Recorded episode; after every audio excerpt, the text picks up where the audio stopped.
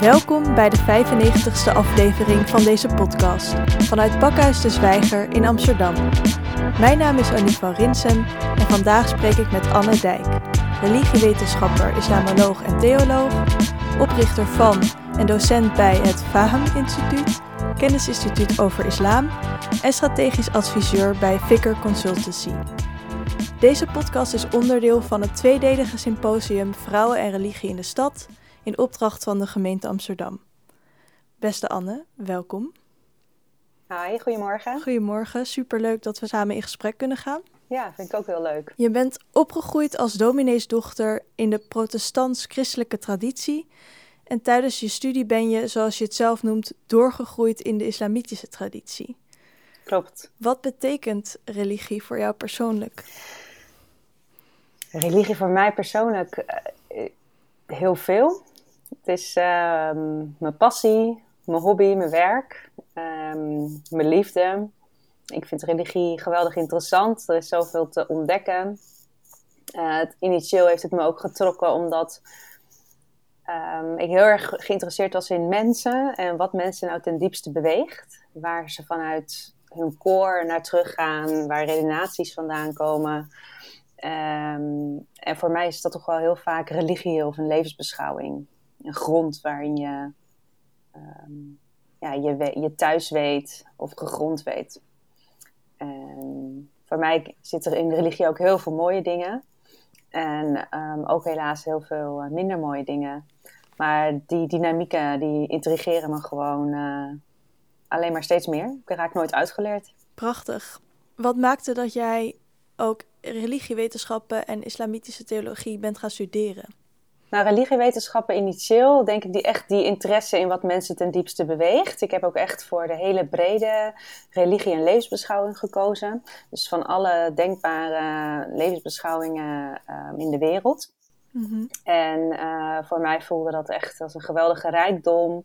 Ook bijvoorbeeld vakken als Oosterse filosofie, waar je echt ook een hele andere uh, paradoxale manier van denken uh, kan duiken. Uh, omdat we soms zo vastzitten in ons eigen denken. Dus ik vond het heel mooi om je dan ook echt in, in niet alleen in andere gedachten te kunnen verplaatsen, maar ook echt om het zelf proberen te praktiseren. En na zo'n eerste jaar werd mijn interesse in de islam steeds groter. Daar betrapte ik mezelf eigenlijk op. Ik was helemaal niet begonnen aan die studie om een om een religie te zoeken voor mezelf. Het was gewoon ja, echt mijn interesse in de wereld waarom ik het, het, ging studeren. Ik verzette me ook altijd heel erg tegen hokjes. Ik vind hokjes ook, uh, eigenlijk heb ik daar een hele grote aversie tegen. Mm-hmm. Dus ik trapte mezelf dat ik de islam wel heel erg interessant vond. En um, had me daar ook een soort van tegen afgezet. Zo van, nou, maar ik ga ook echt geen moslim worden. Maar um, ja, toch wel. Mm-hmm. en uh, toen ben ik ook islamitische theologie erbij gaan studeren. Ja. En wat trok jou dan aan de islam en wat heeft je dan toch ertoe bewogen om wel moslim te worden? Ja, nou ja, vanuit mijn studie, dan krijg je chronologisch krijg je zeg maar alle tradities. En islam is dan van de wereldreligies een redelijk jonge wereldreligie. En voor mij is het een hele inclusieve religie, waarbij um, wat ik mooi vind in andere tradities ook, uh, ja, dat zit voor mij ook in de islam. Um, en daarom zeg ik ook, hè, ik ben uh, opgegroeid in de christelijke traditie en doorgegroeid in de islamitische traditie. Dus het voelt voor mij helemaal niet alsof ik um, het christendom vaarwel heb gezegd. Of, uh, uh, of sommige mensen zeggen wel eens, voel je dan een ex-christen? Nou, absoluut helemaal niet. Ik heb wel eens gezegd dat ik me meer christen voel nu ik ook moslim ben, eigenlijk. Een beetje mm. gek misschien, maar Um, omdat uh, de Abrahamitische traditie, dus Jodendom, Christendom, Islam, voor, vanuit islamitisch perspectief is dat heel erg één lijn. Hè? Het zijn alle profeten mm -hmm. zijn hetzelfde, uh, maar dan ja, plus Mohammed. Um, dus voor mij voelt het heel erg als, als ook een, een logische doorontwikkeling, alleen dan wel met een, een, focus op de eenheid van God. En dat vond ik heel mooi uitgelegd in de islamitische traditie. En um, de mystieke diepgang om het goddelijke te ervaren. Want op welke manier wordt dat dan in de islamitische traditie uitgelegd? Ja, misschien juist in hele abstracte termen, uh, die dus niet menselijk zijn. Dus God is één, absoluut één. Tegelijkertijd is God overal, dichterbij dan je eigen halsslagader. Dus het zit, nou ja, bij wijze van spreken, mijn zoontje zei, huh, zit hij dan in mij? Toen ik zei, hij zit ook hier. Uh, dus hij is overal, of zij is overal. En het is ook niet een hij of een zij. Het is ook niet een, uh, een, een, man op een wolk uh, die naar je toe kijkt. Het is, het is juist mm -hmm. dichtbij, en, maar ook altijd groter en mooier en completer dan wat je kunt voorstellen. Dus juist het, het abstracte, maar wel het ene. en het besef dat je, wat je ook probeert te bedenken, je zult het toch nooit helemaal goed begrijpen. Uh, dat vind ik heel mooi. Dus voor jou is de islam ook inclusief omdat het de andere wereldsgodsdiensten, zoals als ik het nu goed zeg, meeneemt? Ja, ja. Omdat het een, een uh, chronologische gang is van het jodendom naar de islam? Of ja. mis ik nu nog bepaalde Nou ja, ook bijvoorbeeld, uh, er zijn ook lezingen in de Koran waar bijvoorbeeld uh, de vijgenboom uh, als symbool of letterlijk in voorkomt. En er zijn ook exegeten die dit duiden op dat er ook inspiratie van de Boeddha bijvoorbeeld in zou zitten. Um, dus ik, voor mij is het in die zin echt heel erg inclusief. Ik denk van de, de um, de focus bijvoorbeeld ook uit het, uh, wat je in Oosterse tradities ziet, zoals het uitdoven van het ego. Uh, dat zit ook heel erg in de islamitische mystiek. Uh, de, jihad en nefs, dus de strijd met je eigen ego. In de tasawwuf, in de soefistische traditie. En um, daarin zie ik heel veel herkenning ook met mystieke andere tradities. En voor mij vind ik dat dan de taal, zeg maar, die de islam daar aangeeft, spreekt mij aan omdat God altijd aanwezig is. En, maar wel uh, met die constante strijd om jezelf uh, te verbeteren. Ja, ik vind het altijd lastig om dat uit te leggen, omdat ik nooit. Tuurlijk heb je gekozen voor een religie. Um, en is mijn gevoel daarbij dat het, de taal bij mij het beste past. Maar ik wil het nooit op een manier verwoorden dat ik een andere religie uh, tekort zou doen of um, ik wil uit het gesprek blijven van, oh, deze religie is beter, want of zo. Hè? Voor mij uh, heb ik die keuze persoonlijk gemaakt, uh, omdat het mij, ja, de taal het beste bij mij past en ik ook echt geloof ja, in die eenheid van God. Maar zon, ja, zonder dus uh, ja, andere religies daarin te, te willen benadelen. -hmm. Ja, het is natuurlijk lastig omdat ja, jij hebt bepaalde keuzes gemaakt, maar daarmee wil je niet zeggen deze keuze is beter dan een andere keuze. Ja, dus dat is ook wat inclusivisme is. Hè? Dus je, um, tuurlijk ben je overtuigd van de dingen die je gelooft, anders zou je dat niet op een bepaalde manier accepteren als overtuiging. Uh, maar tegelijkertijd kun je het besef hebben, het mhm. nederige, nederige besef dat een ander ook gelijk kan hebben. En dat zit voor mij bijvoorbeeld ook heel erg in de islamitische jurisprudentie. Um, die constante zoektocht dat je probeert te onderzoeken, maar uh, wel een soort nederig besef dat, je, dat er altijd de optie blijft bestaan dat je het misschien verkeerd hebt. Mooi. Je bent dus religiewetenschapper, islamoloog en theoloog met een specialisatie in autoriteitsstructuren. En momenteel promoveer je aan de VU Amsterdam binnen het project Extreme Beliefs. En je onderzoek richt zich op argumentaties ten aanzien van de positie van vrouwen in diverse fundamentalistische levensbeschouwingen. Zou je misschien wat meer over je onderzoek willen vertellen? Ja, ik sta wel helemaal aan het begin van het onderzoek. Dus dat is de leukste, tegelijkertijd ook, uh, hoe zeg je dat? De meest irritante fase. Want dan moet je nadenken over de methodieken en uh, waar je gaat beginnen. Mm -hmm. Uh, maar mijn onderzoek zal zich richten op uh, opvattingen, dus eigenlijk de argumenten waarmee opvattingen ten aanzien van vrouwen worden uh, ja, beargumenteerd. In moslimfundamentalistische levensbeschouwingen, christenfundamentalistische levensbeschouwingen en rechtsfundamentalistische levensbeschouwingen. En ik vind het vooral erg interessant om naar de argumentaties te kijken omdat we soms denken van hè, verschillende tradities zijn heel anders. Of de een, de traditie is fundamentalistischer dan de andere. Maar als je, uh, gek genoeg, vind ik vaak dat als je de argumenten gaat bekijken, uh, dat er heel veel dezelfde stijlen in zitten. Dus dat is mijn hypothese, dat er best wel veel overeenkomsten zitten in verschillende tradities. hoe posities ten aanzien van vrouwen worden beargumenteerd. Maar ik ben tegelijkertijd ook heel erg nieuwsgierig waar het dan misschien toch in verschilt. En zou je alvast een tipje van de sluier kunnen oplichten? Nou ja, wat je wel ziet is dat uh, toch elk, elke fundamentalistische stroming wel de opvatting heeft om de vrouw te moeten beschermen. Dat zij toch niet helemaal voor zichzelf zou kunnen zorgen ten volste. Um, en die dynamieken tussen goed en kwaad, uh, die toch uh, wereldbeelden domineren. En dat een vrouw daarin toch een inferieure positie heeft. En dan inferieur in de zin van minder goed? Of inferieur in minder goed in staat om zichzelf te beschermen? Nou ja, wat je dus ziet is dat het vaak vanuit een soort ruimhartigheid van de man uh, bedacht wordt. En dat dat dan ook vaak heel charmant en galant kan overkomen. Hè? Dus de, de man die de vrouw beschermt. Um, en hè, bedoel, als je gaat kijken fysiek is dat zeker in vroegere tijden was het misschien ook nodig. Uh, maar wat het gevaar daarin is, is dat uh, als dat een te hardnekkig beeld wordt, uh, dat dat ook doorcijpelt in de waarde die je aan vrouwen toekent. En dat een vrouw dan vanuit bijvoorbeeld de fysieke minder krachtige positie, dat ze dus over het geheel en ook mentaal als minder krachtig wordt gezien. Dus aspecten zoals emoties, um, dat dat veel vaker aan vrouwen toegekend wordt, waardoor ze per definitie ook een minder goed leider zou zijn. Dus vrouwen zouden maar uit leiderschapsposities weg moeten blijven. En dat het een redenatie is die zo ver doorgaat, waarbij je uiteindelijk een, een gedachte, een algemene opvatting over vrouwen creëert, dat vrouwen toch minder zijn dan de man. Minder waardig, minder expert, minder qua alles. Ja. En dus een overeenkomst is dat het vaak voortkomt uit een overtuiging dat de vrouw beschermd moet worden door de man. En dus wat ik een beetje hoor, misschien ook deels door een uh, fysiek, dat de man fysiek sterker zou zijn en daarom die bescherming kan bieden. En zijn er nog andere overeenkomsten die je bent tegengekomen?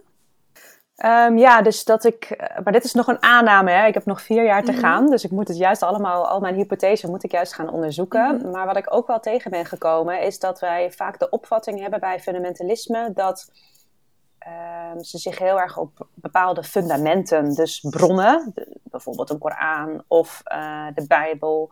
Uh, nou, bij rechts is dat nog lastig wat dan nou echt de precieze fundamentalistische bronnen zijn. Maar um, dat, we, dat we ons daar dan op blind staren om dus maar een boek of een bepaald fundament dan de schuld te kunnen geven. Terwijl je in de argumentatiestijlen, vind ik, veel vaker ziet dat er toch, uh, dat noem ik dan even persoonlijke argumenten in zitten. Um, bijvoorbeeld uh, argumentatiestijlen ook als drogredenen, dus die ad hominem, dus op de mens gericht, of dat er een voorbeeld van één, één situatie waarin dan een vrouw bijvoorbeeld emotioneel gereageerd heeft, en dat, dat wordt dan uitvergroot alsof dat voor alle vrouwen geldig zou zijn. Dus dat is een specifiek type drogreden. Dus dat het veel -hmm. vaker um, redenaties zijn die, ja, die zich niet op fundamenten uh, gronden, maar um, echt vanuit de, de geest van degene komt die ze bedenkt. En dat het, uh, dat soort type redenaties dus ook overeenkomen tussen verschillende levensbeschouwingen. Dus dat je ja. zou kunnen zeggen, dat is een hypothese, dat fundamentalisme veel meer in de persoon zit, in de mens. Mm -hmm. uh, dus dat het een karakterseigenschap kan zijn, in plaats van dat je het to toespitst op één levensbeschouwing. Ja, dus het is um, een mens, of misschien meerdere mensen, maar in principe een mens die heeft dan het gevoel dat vrouwen overdreven emotioneel zijn. En daar uh, uit dat gevoel wordt dan een algemene strekking gemaakt van vrouwen zijn overdreven emotioneel en dus. Maar stel je voor, iemand anders zou denken: vrouwen zijn juist heel erg gewichtig. Um, dan zou er misschien een strekking kunnen worden gemaakt: vrouwen zijn heel erg gewichtig. En dus zouden zij juist in leiderschapsposities moeten zitten. Ja, dus het is de, de aanname is vaak van het is de religie die mensen fundamentalistisch maakt en daarom komen ze tot bepaalde standpunten. Terwijl als deze hypothese zou kloppen, dan zou het dus meer zijn: mensen hebben gewoon opvattingen en daar zoeken ze religieuze argumenten bij. Dus de aanname zit al in de mens, a priori, of door wat voor reden dan ook. Dat ze machtsbelust zijn of graag willen domineren over iemand anders dat was er en daar zoek je dan eigenlijk een religieuze interpretatie bij. Super interessant. En is er een manier om dat onderscheid te kunnen maken tussen wat er uit de mens voortkomt en wat eigenlijk fundamenten zouden kunnen zijn? Ja, ik denk dat daar de wetenschappers uh, met elkaar over in discussie zijn. Dat is natuurlijk de eeuwige discussie ook, um, zeker tussen uh, psychologische onderzoeken, um, maar ook meer uh, scriptonderzoeken van wel theologen. Maar wat ik wel heel mooi vind, en dat vind ik ook heel leuk aan het project Extreme Beliefs, dat we heel multidisciplinair werken. Dus dat je niet mm probeert om één theorie uh, daarvoor te gaan staan. Maar dat je altijd die open mind houdt om te kijken van ja, het kan wel eens en en en zijn. Dus het kan heel goed zijn dat als je in een bepaalde context bent, dat dat fundament bijvoorbeeld een veel grotere invloed heeft als dat de, enige context is waar je je in begeeft.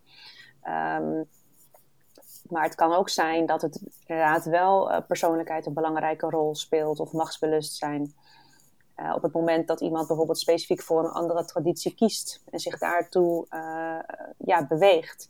Dus ik denk ook dat je altijd die optie moet openhouden dat het veel vaker diverse oorzaken kan hebben dan één absolute grote boze oorzaak. Ja, en we hebben het dus gehad over de overeenkomsten die je dus binnen verschillende fundamentalistische levensbeschouwingen zag als het ging over de positie van vrouwen en hoe die wordt beredeneerd. En um, wat zijn bijvoorbeeld verschillen die je bent tegengekomen? Ik denk toch wel hoe er wordt um, soms ook geflirt en soms gebruik gemaakt van uh, de moderne tijd. En um, waarbij bijvoorbeeld een, een rechtsfundamentalisme zich ook juist heel erg in het, wel op de traditie uh, wil gronden en zich ook als traditioneel neerzet maar tegelijkertijd een andere traditie probeert naar beneden te halen door het als achterlijk en anti-modern neer te zetten. Dus hoe je je verhoudt tot moderniteit, dat kan soms wel verschillen. Um, de vraag is natuurlijk wel of dat dan ook weer consistent is met andere uitspraken.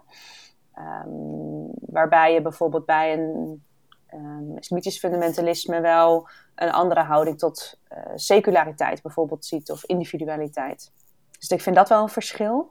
Dus die bepaalde mm waarden als seculiere samenleving, individualisme. Um, en natuurlijk hoe je, uh, hoe je het kwaad uh, benoemt. Dat is natuurlijk een groot, groot verschil. Tegelijkertijd is de overeenkomst daar ook wel weer in. En dat vind ik dan weer interessanter. Is dat dingen die ogenschijnlijk heel anders lijken, Hè, dus de, de, de oorzaak van het kwaad. het is wel een mooie titel. Het kwaad is natuurlijk altijd de ander. Maar als je daar dus onder gaat kijken, zijn die werkingen die daarachter zitten, die mechanismen, vind ik dan weer juist overeenkomstig. Hè? Dus het kwaad is per definitie altijd de ander. Tuurlijk is het een andere naam of een andere, ander voorkomen. Maar dat je het uh, buiten jezelf zet, buiten je eigen traditie, dat systeem daaronder is dan weer overeenkomstig. Oké, dus, het, dus het kwaad is vaak de ander.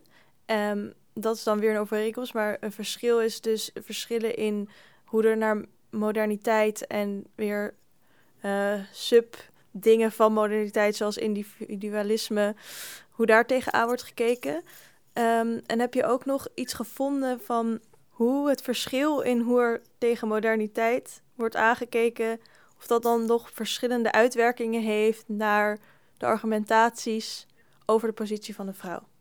Nee, daar durf ik nog geen uitspraak over te doen. Daar moet ik echt nog uh, verder uh, mee ingaan, verdiepen. Ja. Nou, we wachten in spanning af uh, tot je onderzoek over vier jaar naar buiten ja, komt. ik ook.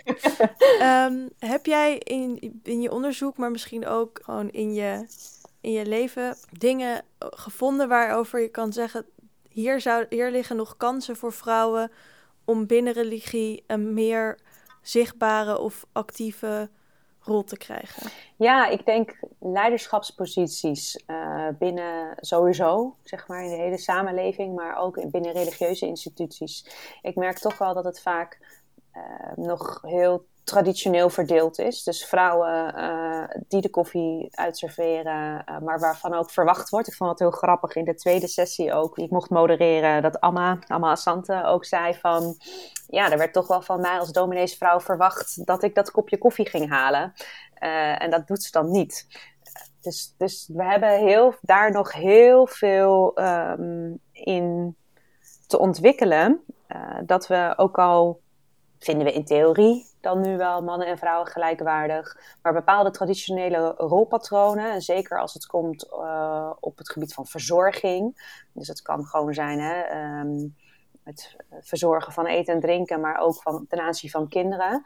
Uh, dat we daar nog heel erg vastzitten en dat denk ik in de maatschappij in brede zin, maar zeker dan wanneer het aankomt in religieuze instituties, uh, dat we daar nog heel erg toch een bepaalde onbewuste vanzelfsprekendheid ten aanzien van rolverdeling hebben. Ja, want als ik het goed begrijp, is het ook vaak zo dat uh, dan het argument of het idee daarachter zit van vrouwen en mannen zijn wel gelijkwaardig, maar ze hebben andere rollen. Dus dat de vrouw de meer verzorgende rol heeft, dat betekent niet dat ze minder waard is, maar juist dat ze dan tot bloei komt in haar vrouw zijn. Uh, ten eerste klopt dat en ten tweede, hoe kijk jij tegen deze redenering aan? Nou ja, ik, ik denk, het zou mooi zijn als het echt zo zou zijn, maar de feiten spreken denk ik dit gewoon al genoeg tegen. Het feit dat als vrouwen uh, carrière maken, dat er dan altijd die vraag gesteld wordt: hoe doe je dat? Hè? Zorgen voor de kinderen en carrière maken. En aan mannen niet. Um, dat vrouwen gewoon nog niet evenveel verdienen in, in dezelfde functies. Uh, dat er zoiets als het glazen plafond is. Dat we nog niet um, gelijkwaardige verdeling hebben in, um, in leiderschap. Maar dat ook bepaalde leiderschapskwaliteiten, zoals de, noemen dan wat, de wat meer zachtere kwaliteiten, dat die toch nog steeds als inferieur uh, beschouwd worden en niet als kracht gezien worden. Dus je zou zeker kunnen zeggen, en ik ben de laatste om dat te betwisten, ik ben zelf moeder geworden van een zoontje en ik zie gewoon dingen die ik echt niet heb aangeleerd dat het er gewoon in zit. Dus ik heb daar ook wel uh, iets van gedachten, ben ik daarin veranderd. Dat, dat dingen zijn soms echt natuur. Um, maar toch uh, het waardeoordeel wat we aan karaktereigenschappen geven, dat is wel echt nog niet gelijkwaardig. Ja, ik wilde ook nog even daarop inhaken, want um, je zegt dus ik ben moeder geworden en daardoor voelde ik dingen van dit is, dit is natuurlijk, maar ik heb dan toch ook gelijk het idee van is dat voor de vader dan niet precies hetzelfde? Ik zou dat niet weten. In mijn situatie ben ik alleenstaande moeder en is er eigenlijk uh, de vader volledig afwezig. Dus um, daar, dat heb ik helaas, kan ik niet vanuit ervaring uh, over spreken. Nee. En dat is ook wel weer grappig, want dan zegt mijn zoontje soms: uh, Mama, jij bent een beetje papa-mama omdat hij natuurlijk bij andere kindjes een papa en een mama ziet. En dan uh, zeg ik, huh, maar hoe dan? Hij zei, ja, want jij, jij stoeit en, uh, en je bent gewoon mijn lieve mama. Dus dat vind ik wel heel grappig, hoe dan een kind daar toch ook al in die um, genderrollen bepaalde kaders. Ja, of typen in weten formuleren. Terwijl die woorden ik, niet, ik, ik die woorden niet gegeven heb. Ja, maar bij jou komt dat misschien dus ook natuurlijk om dan die papa-rol te vervullen. Ja, of dat ik zelf gewoon een beetje mannelijk ben. dat kan natuurlijk ook. Ja, ik vind stoeien ook veel leuker dan knutselen. Dus dat, ik vind het ook heel leuk om te stoeien. Uh, ja. Um, dus uh, laten we dat vooral blijven doen. Um, maar goed, hoe zie jij, um, hoe zie jij dan de kansen om voor vrouwen dus meer een leiderschaprol aan te nemen uh, en om allerlei andere dingen te doen waar ze misschien nu nog niet helemaal. Uh, ja, ik denk wel dat we um, bezig zijn. initiatieven van vrouwen daarin uh, veel meer mogen steunen. En dat we dan toch, en waar ik wel voor ben trouwens, is dat we niet alleen maar meer in vrouwenorganisaties denken. Ik ben zelf ook bewust uit een vrouwenorganisatie gestapt en ook ben ook echt Vehem Instituut begonnen met het doel van, nou wij, zeker bijvoorbeeld kennis over vrouwenonderwerpen moet juist ook uh, uh, met mannen besproken worden. Hè. We moeten dat heel erg samen doen. Dus ik ben wel voor vrouwelijke initiatieven, maar altijd wel in gezamenlijkheid met mannen. Want ik, ik ja, ik geloof zelf wat minder in de, de scheiding van mannen en vrouwen. in initiatieven omdat ik denk dat je dan dat, dat, dat gedragsverandering alleen in gezamenlijkheid gaat gebeuren. Dus je ziet de emancipatiestrijd echt als iets wat van beide kanten moet komen. Zeker. En ik denk ook wel dat, we, dat er is zoveel aandacht, en dat is terecht, moet dat ook blijven, hè, voor de emancipatie van de vrouw. Dat wat natuurlijk ook het gesprek in de twee avonden was. Hè. Hoe is dat gegaan en waar liggen nog uitdagingen, waar liggen kansen? Uh, tegelijkertijd denk ik wel dat we um, toch wel die, die blinde vlek hebben voor de participatie van mannen daarin en de betrokkenheid van mannen daarin. En dat we ook heel veel aandacht moeten gaan krijgen voor de emancipatie van mannen. Want we zien dat de, de rol van vrouwen de laatste 50 jaar enorm veranderd is. Um, door ook heel veel moderne ontwikkelingen is dat natuurlijk ook mogelijk. Maar um, dus voor vrouwen is een soort van alles mogelijk. En kun je daarin heel veel uh, agency, dus zelfbeschikking, zelfkeuzes maken. Um, dus die rol is veranderd. Maar wat de veranderende rol van mannen daarin is, ik vind dat we daar nog veel te weinig over hebben. En wat als we daar dan wel over zouden hebben, wat vind jij dan daar belangrijk en interessant in? Nou, hoe die, hoe die rol dus verandert en wat dan ook een nieuwe definitie van mannelijkheid is. Um, um, betekent dat, dat uh, mannen per definitie um, ja, ook meer in het huis moeten doen. Daar is natuurlijk al heel veel over gesproken. Uh, hoe ziet zich dat er dan uit? Uh, mannen bijvoorbeeld minder werken. Uh, maar het begint ook bij zoiets als mannen langer verlof geven wanneer er bijvoorbeeld een kindje geboren wordt. Daarin ook de kans geven en die ruimte hebben om die binding tussen vader en kind ook echt meer tot stand te kunnen laten komen in die hele vroege periode. Want als we die ruimte niet bieden, dan kunnen we ook niet, moeten we ook niet gek staan kijken dat het er ook niet is. Dus ik denk dat in onze systemen daar nog wel veel verandering in mogelijk is.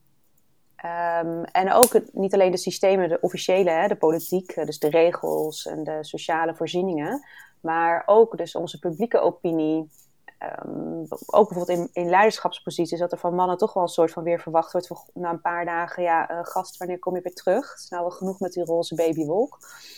Um, ja, dat we daarin toch wel een hele harde werkcultuur hebben. Ja. En ik vind dat bijvoorbeeld Scandinavië daar een heel mooi voorbeeld in is, met kortere werkdagen, uh, hè, tot vier uur, dat we een veel betere balans tussen werk en privé. Dus het gaat eigenlijk veel groter dan alleen maar um, gender of verhoudingen man-vrouw. Maar je hebt het over een heel groot systeem, wat denk ik veel, eh, wat echt gaat over een andere manier van leven, waar we als mensen veel meer in balans zijn tussen werk en privé. Dat we niet alleen maar meer leven om te werken, maar dat we dat werk echt weer dienend maken aan het leven. Ja, heel mooi. Dus het gaat ook om de emancipatie van een man, maar het gaat ook over um, de emancipatie van de mens als mens en niet als werkend wezen. Ja, en dat heeft natuurlijk met het doorbreken van een groot kapitalistisch systeem te maken. Um, onze consumptiemaatschappij, um, hoe, um, hoe marketing daarop gericht is. Het gaat heel groot, dus het is wel iets wat je niet zomaar kunt veranderen. Mm. Um, en wat je nu vaak op individueel niveau ziet, bijvoorbeeld zoiets als de Tiny House Movement, waar ik ook um, uh, met grote bewondering en liefde naar kijk. mijn droom misschien later wel is als ik groot ben. maar, uh, en ik denk dus dat je, als je veel meer aan dat soort grote dingen gaat sleutelen, dat ook die verhoudingen gender daarin veel makkelijker uh, in meevloeien. Mm dan heb ik een grote vraag. Maar hoe zie jij de emancipatoire kracht van religie? Voor mij is die heel, uh, heel groot. Ik denk dat uh, heel veel religies toch een groot sociale opdracht voor zichzelf stellen om de wereld een betere plek te maken, uh, mensen leuker met elkaar te laten omgaan. En als ik voor mij persoonlijk kijk, is dat het uh, zowel maatschappelijk is als in hoe je je verhoudt tot de ander. Dus het gaat eigenlijk over drie dimensies voor mij: uh, religie, mijn relatie met God, Mijn relatie met de ander als in de beschepping breed. Dus dat is zowel andere mensen, maar ook de natuur. En eigenlijk de relatie met mijzelf als individu. Dus het is het alles overstijgende, het interpersoonlijke of het um, eigenlijk intercreatie, dus ook hè, de natuur en dier. En het, uh, het individuele. En als ik me op alle uh, gebieden wil proberen uit te dagen, dan zou je er idealiter ook een beter en leuker mens van moeten worden. En um, ik denk dat we daarin, uh, dat er heel veel emancipatoire krachten zitten. Als je ervan uitgaat, tenminste dat is hoe, hoe ik het zie, is dat we toch uh, geschapen zijn. En in die geschapenheid zit ook een opdracht. Dus als ik bepaalde talenten heb gekregen, of bepaalde uitdagingen heb gekregen waar ik aan mag werken, um, dan voelt dat als een goddelijke opdracht. En is het ook voor mij een manier van dankbaarheid om die um, kansen te benutten. En als ik daar steeds beter naar leer luisteren, uh, kom ik eigenlijk dichter bij mezelf. Ik kom dichter bij mijn schepper, dus bij God. Maar ben ik ook beter in staat om andere mensen te kunnen dienen als ik vanuit mijn kwaliteiten werk. En voor mij is op die manier dus religie ook dat diepe besef van, van die scheppende kracht van, van God um, in de mens, maar ook in anderen. Als we daar, uh, voor mij is dat heel erg emanciperend, omdat ik dus uitgedaagd word om die kwaliteiten zo optimaal te benutten. En daar ook actief naar op zoek te gaan en dat actief te blijven ontwikkelen. Dus dan wordt eigenlijk het benutten en het emanciperen van jezelf wordt eigenlijk een vorm van aanbidding. Heel mooi. En dan geef je het wel meer gewicht. Ja. En hoe um, kan je daar dan meer toe komen om te weten wat dan jouw kwaliteiten en wat jouw valkuilen zijn? Ja, dat dat is dus die strijd met je eigen ego, met je eigen ziel, met je zielenzelf. Um, constant spiegelen, uh, introspectie, retrospectie. Um, heel veel fouten maken en ervan proberen te leren. Um, dat is ook een mooi mindful besef van uh, iemand die ik heel inspirerend vind, Imam Al-Ghazali, die zegt ook fouten, fouten bestaan niet. Er zijn alleen soms uh, minder leuke uitkomsten. Dus falen, falen bestaat niet. Dus jij als mens bent niet gefaald als je een fout maakt. Uh, maar je hebt een kans gekregen om te leren.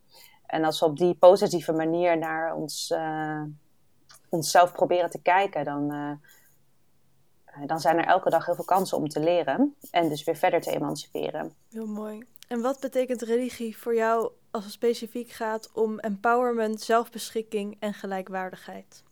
Ja, eh, ja, ik denk dat ik dan toch ook bij een soort van scheppingsvers kom uit de Koran. Uh, die stelt dat um, uh, God de mens heeft geschapen uit één enkele ziel. En dat is voor mij zo mooi dat je um, dat je dat dus, dat je uit één ziel komt. Dan kun je natuurlijk een hele diepe filosofische analyse gaan voeren over wat die ziel dan is. En, uh, maar dat er dus ook niet een genderheid in zit, in die eerste schepping. En ik zag laatst een, uh, een mm-hmm. tiende eeuwse denker. Uh, en ik had dit vanuit mijn Bijbelse achtergrond altijd geïnterpreteerd als van hè, je had Adam en Eva, dus je had een man en een vrouw. En nou ja, er moest toch iemand eerst zijn. Nou, waarschijnlijk was dan hè, Adam als eerst geschapen. Maar um, deze denker, uh, Raripa Isfahani, die zei nee, er is dus um, een ziel geschapen en voor de ziel is een partner geschapen. Maar de ziel was niet man of vrouw. De ziel was gewoon de ziel van een mens. En wat is de partner van een ziel? De partner van een ziel is het lichaam. Dus God heeft een ziel geschapen en de partner was dus het lichaam. En daaruit, uit zo'n lichaam, zijn heel veel mannen en vrouwen voortgekomen. Dus ik vond het zo mind-blowing dat een, een, een tiende eeuwse denker eigenlijk die hele genderdiscussie gewoon 1100 jaar geleden heeft beslecht, voor mijn gevoel dan. Dus ik weet even niet meer wat je vraag was. um, het ging over wat, hoe jij religie ziet als het gaat over empowerment, zelfbeschikking en gelijkwaardigheid. Oh ja, dus gelijkwaardigheid. Daar voor mij is, is dit vers dus heel erg inspirerend. Dat God dus de ziel heeft geschapen mm-hmm. met een lichaam. En um, ongeacht of dat dus man of vrouw was, of of neutraal. En dat daaruit dus veel mannen en vrouwen zijn gekomen. Dus dat zegt iets over die gelijkwaardigheid van het begin af aan van de schepping. En ehm, dat je daarin altijd de keuze hebt om dus het beste uit jezelf te halen. Uh, dat is voor mij agency. Ehm, dus die zelfbeschikking. Dat ik altijd zelf die keuzes mag maken. En uh, daar vind ik ook heel veel inspirerende vrouwen in de islamitische traditie bijvoorbeeld een, een Salama, die altijd kritische vragen stelde aan de profeet Mohammed. Hem ook geregeld tegensprak van, joh, um, waar komt dit vandaan? En die kritische houding, dat vind ik uh, heel mooi. Om ook vandaag um, ook nog te blijven praktiseren. Om gewoon alles kritisch te bevragen en niks klakkeloos aan te nemen. Dus dat zit voor mij ook heel erg in de traditie zelf. En welke vrouwen inspireren jou nog meer binnen jouw eigen religie en daarbuiten? Nou ja, dus ik zei net al Om is, uh, dat is iemand uit de 7e eeuw. Uh, dan iemand uit de 8e, 9e eeuw. Dat is Rabia al-Basra. Uh, of Rabia al-Adawiya. En zij was een mystica. En zij heeft een hele mooie spreuk. Zij liep door de straten van Basra. Dus Basra in Irak nu. En daar liep zij met een fakkel in haar ene hand. En een emmer water in de andere hand. En de mensen vroegen haar Rabia, wat, ben je nou aan doen? En toen zei ze dat ze met de fakkel het, de bomen van het paradijs in brand wilde steken. En met de emmer water het vuur van de hel wilde doven. Zodat het onderscheid tussen de hel en de hemel wegvalt. En duidelijk wordt wie van de mensen God aanbidt puur uit liefde. In plaats van het verlangen voor de beloning van het paradijs. Of de angst voor de hel.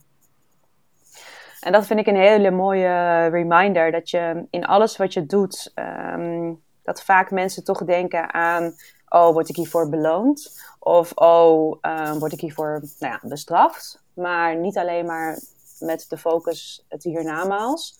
Maar ook bijvoorbeeld uh, onder mensen onderling. Van, hè, dat mensen vaak hun handelingen doen om een ander tevreden te stellen. Of om maar niet door de man te vallen voor iemand anders. Dus het gaat heel erg op perceptie wat een ander van je denkt of vindt.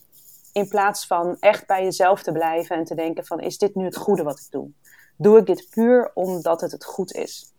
In plaats van dat verlangen voor aanzien of een beloning. Dat vind ik een heel inspirerende quote. Zijn er ook nog levende vrouwen die jou oh. inspireren? In die mate niet. Dus niet dat ik daarin echt uh, ja, op mediteer of uh, hedendaagse levende vrouwen. Ja, ik, die is ook recent overleden. Dat was uh, Fatima Mernissi, een Marokkaanse sociologe en historica. En zij heeft heel veel onderzoek gedaan. En ik was echt jaloers op um, hoeveel bronnenonderzoek zij kon doen. Het, het, lezen van dikke pillen in het Arabisch, hele traditiewerken die zij heeft doorgenomen. En dat was wel, denk ik, zo inspirerend. Hoe zij toch die kritische vragen ook weer in het hier en nu durfde te stellen. Om uh, toch, uh, en dat ging bijvoorbeeld ook over religieus leiderschap. Uh, politiek leiderschap heeft zij vooral ook onderzocht. Um, en dat toch weer aan de kaak te stellen.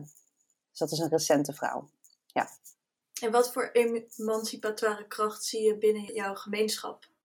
Binnen gemeenschap zie ik enorm veel initiatieven die echt vanuit het hier en nu uh, willen bijdragen aan het hier en nu. En dat vind ik heel mooi. Dus echt als ik kijk naar de moslimgemeenschap in Nederland. Um, en dan heb ik het over echt in de volle breedte van waar je actief kunt zijn. Uh, dus dat is in moskeeën, waar uh, vrouwen enorm actief zijn, um, in besturen zitten. Um, moskeeën waar ook mannen en vrouwen in één ruimte bidden. Uh, dus uh, niet meer de, de muur of de afgezonderde ruimte. Dus echt die gezamenlijkheid als gemeenschap leven. Um, dat vind ik heel mooi, maar ook bijvoorbeeld politieke representatie. dat er gewoon verschillende politieke partijen zijn waar um, de moslimidentiteit uh, als kracht wordt neergezet. Uh, dat vind ik ook heel mooi. Um, en ook natuurlijk een heel sterk voorbeeld van emancipatie. Dus in de gemeenschap breed denk ik dat er heel veel, en ook heel veel krachtige vrouwen zijn die echt durven um, in de voorhoede te gaan staan. En dan ook weer, ja, het zijn nu toch een paar politieke voorbeelden. En wetende ook wat voor, moet ik even netjes woorden uitkiezen. Um, wat voor viezigheid je over je heen krijgt aan woorden, aan ehm, eh, bedreigingen ook echt. Ehm, en ik, dat wordt wel eens te weinig ingezien, denk ik. Dat wanneer je uh, publiek zichtbaar inzet, zeker als moslim, uh, maar helemaal als moslimvrouw, ehm, dan krijg je echt heel veel negativiteit over je heen. Dus je moet daar wel heel erg in harden, wil je dat vol kunnen houden. En dat is niet altijd fijn, maar het feit dat er nu veel meer vrouwen zijn die het toch doen, ja, dat vind ik heel, stuk voor stuk vind ik ze heel erg inspirerend. Je geeft ook lezingen over islamitisch feminisme. Uh, hoe ziet islamitisch feminisme eruit? Islamitisch feminisme um, is iets wat ik zowel uh, vanuit kracht eigenlijk beschouw, als ook uh, kritisch beschouw. Omdat het woord feminisme, daar is natuurlijk ook heel veel om te doen. Um, en ik vind het ook belangrijk om te benoemen dat daar dat je daar ook de kritische houding in mag hebben. Um, daar waar er ook heel veel feministen toch nog neerkijken op religie. Of dat religie per definitie als inferieur gezien wordt. En dat feminisme ook um, ja, in de koloniale tijd ook wel bepaalde politieke agenda's soms had. Dat het vaak de positie van de vrouw ook misbruikt is om juist andere culturen of andere politieke systemen te bekritiseren. dus dat vind ik ook belangrijk om te zeggen. Maar uh, wat ik heel mooi vind aan islamitisch feminisme specifiek, en ik maak dus een onderscheid tussen moslimfeminisme uh, en islamitisch feminisme, is dat islamitisch feminisme, uh, zoals ik dat definieer, dat baseert zich juist op heilige bronnen, dus de Koran, maar ook de uitspraken van de profeet Mohammed, maar ook voorbeelden zoals de, de vrouwen uit de tijd van de profeet Mohammed, dus krachtige vrouwen. En hun agency, hun zelfbeschikking, de rollen die zij aannamen, de leiderschapsposities die zij hadden, dat is voor mij een bron van islamitisch feminisme. Uh, het woord feminisme bestond natuurlijk nog niet in de 7e, 8e eeuw. Um, maar de ideeën van agency, dat je zelf kan uh, kiezen wat je wil, om je kwaliteiten na te leven, dat zie ik in die tijd al wel heel erg. Maar ook rechten van de vrouw, zoals scheiding, partnerkeuze, uh, het recht op eigen bezittingen, handel, mogen handel drijven, contracten met je eigen handtekening kunnen zetten. Iets wat we toch echt 50 jaar geleden nog hebben voor moeten vechten hier in Nederland. Uh, dat was in de zevende eeuw uh, eigenlijk juridisch al geregeld in de islam. En dat vind ik wel ook um, inspirerend om juist bij islamitisch feminisme ook te blijven benoemen. Zijn er verder nog lessen, je hebt natuurlijk al wel wat genoemd, die we uit islamitisch feminisme kunnen trekken? Ja, ja zoveel. ik denk toch ook uh, wat nog heel weinig belicht is, waar we nog weinig weten van hebben, is de, hoe in de islamitische traditie vrouwelijk religieus leiderschap, en dat bedoel ik in de zin van vrouwelijke geleerden, um, in diverse uh, tradities, dus als uh, geleerde van de Koran, maar ook geleerde van de overleveringen van de profeet, als docent. dat je zult versteld staan hoeveel vrouwelijke geleerden er waren in de islamitische traditie. Bijvoorbeeld een 15e, 16e eeuwse geleerde, zij heet Aisha al-Ba'awniya. Zij heeft heel veel gedichten geschreven, maar ook um, ja, zij heeft meer dan twintig boeken geschreven. En eigenlijk is dat heel recent pas uh, voor het voetlicht gekomen. Terwijl er geen enkele vrouw is voor de 20ste eeuw die, meer dan, die, die zoveel heeft geschreven. En uh, we weten wel uit de hele wereldgeschiedenis dat vrouwen redelijk weinig zelf schreven. Dus dat mannen vaker schreven en daardoor ook nou ja, wat vaker bewaard zijn gebleven. En de verklaring daarvoor is er nog niet. Dat vind ik trouwens ook een geweldig interessant om nog een keer uit te zoeken. Uh, maar zij is daar dus wel iemand van die dus wel heeft geschreven. En dan gelijk ook heel veel.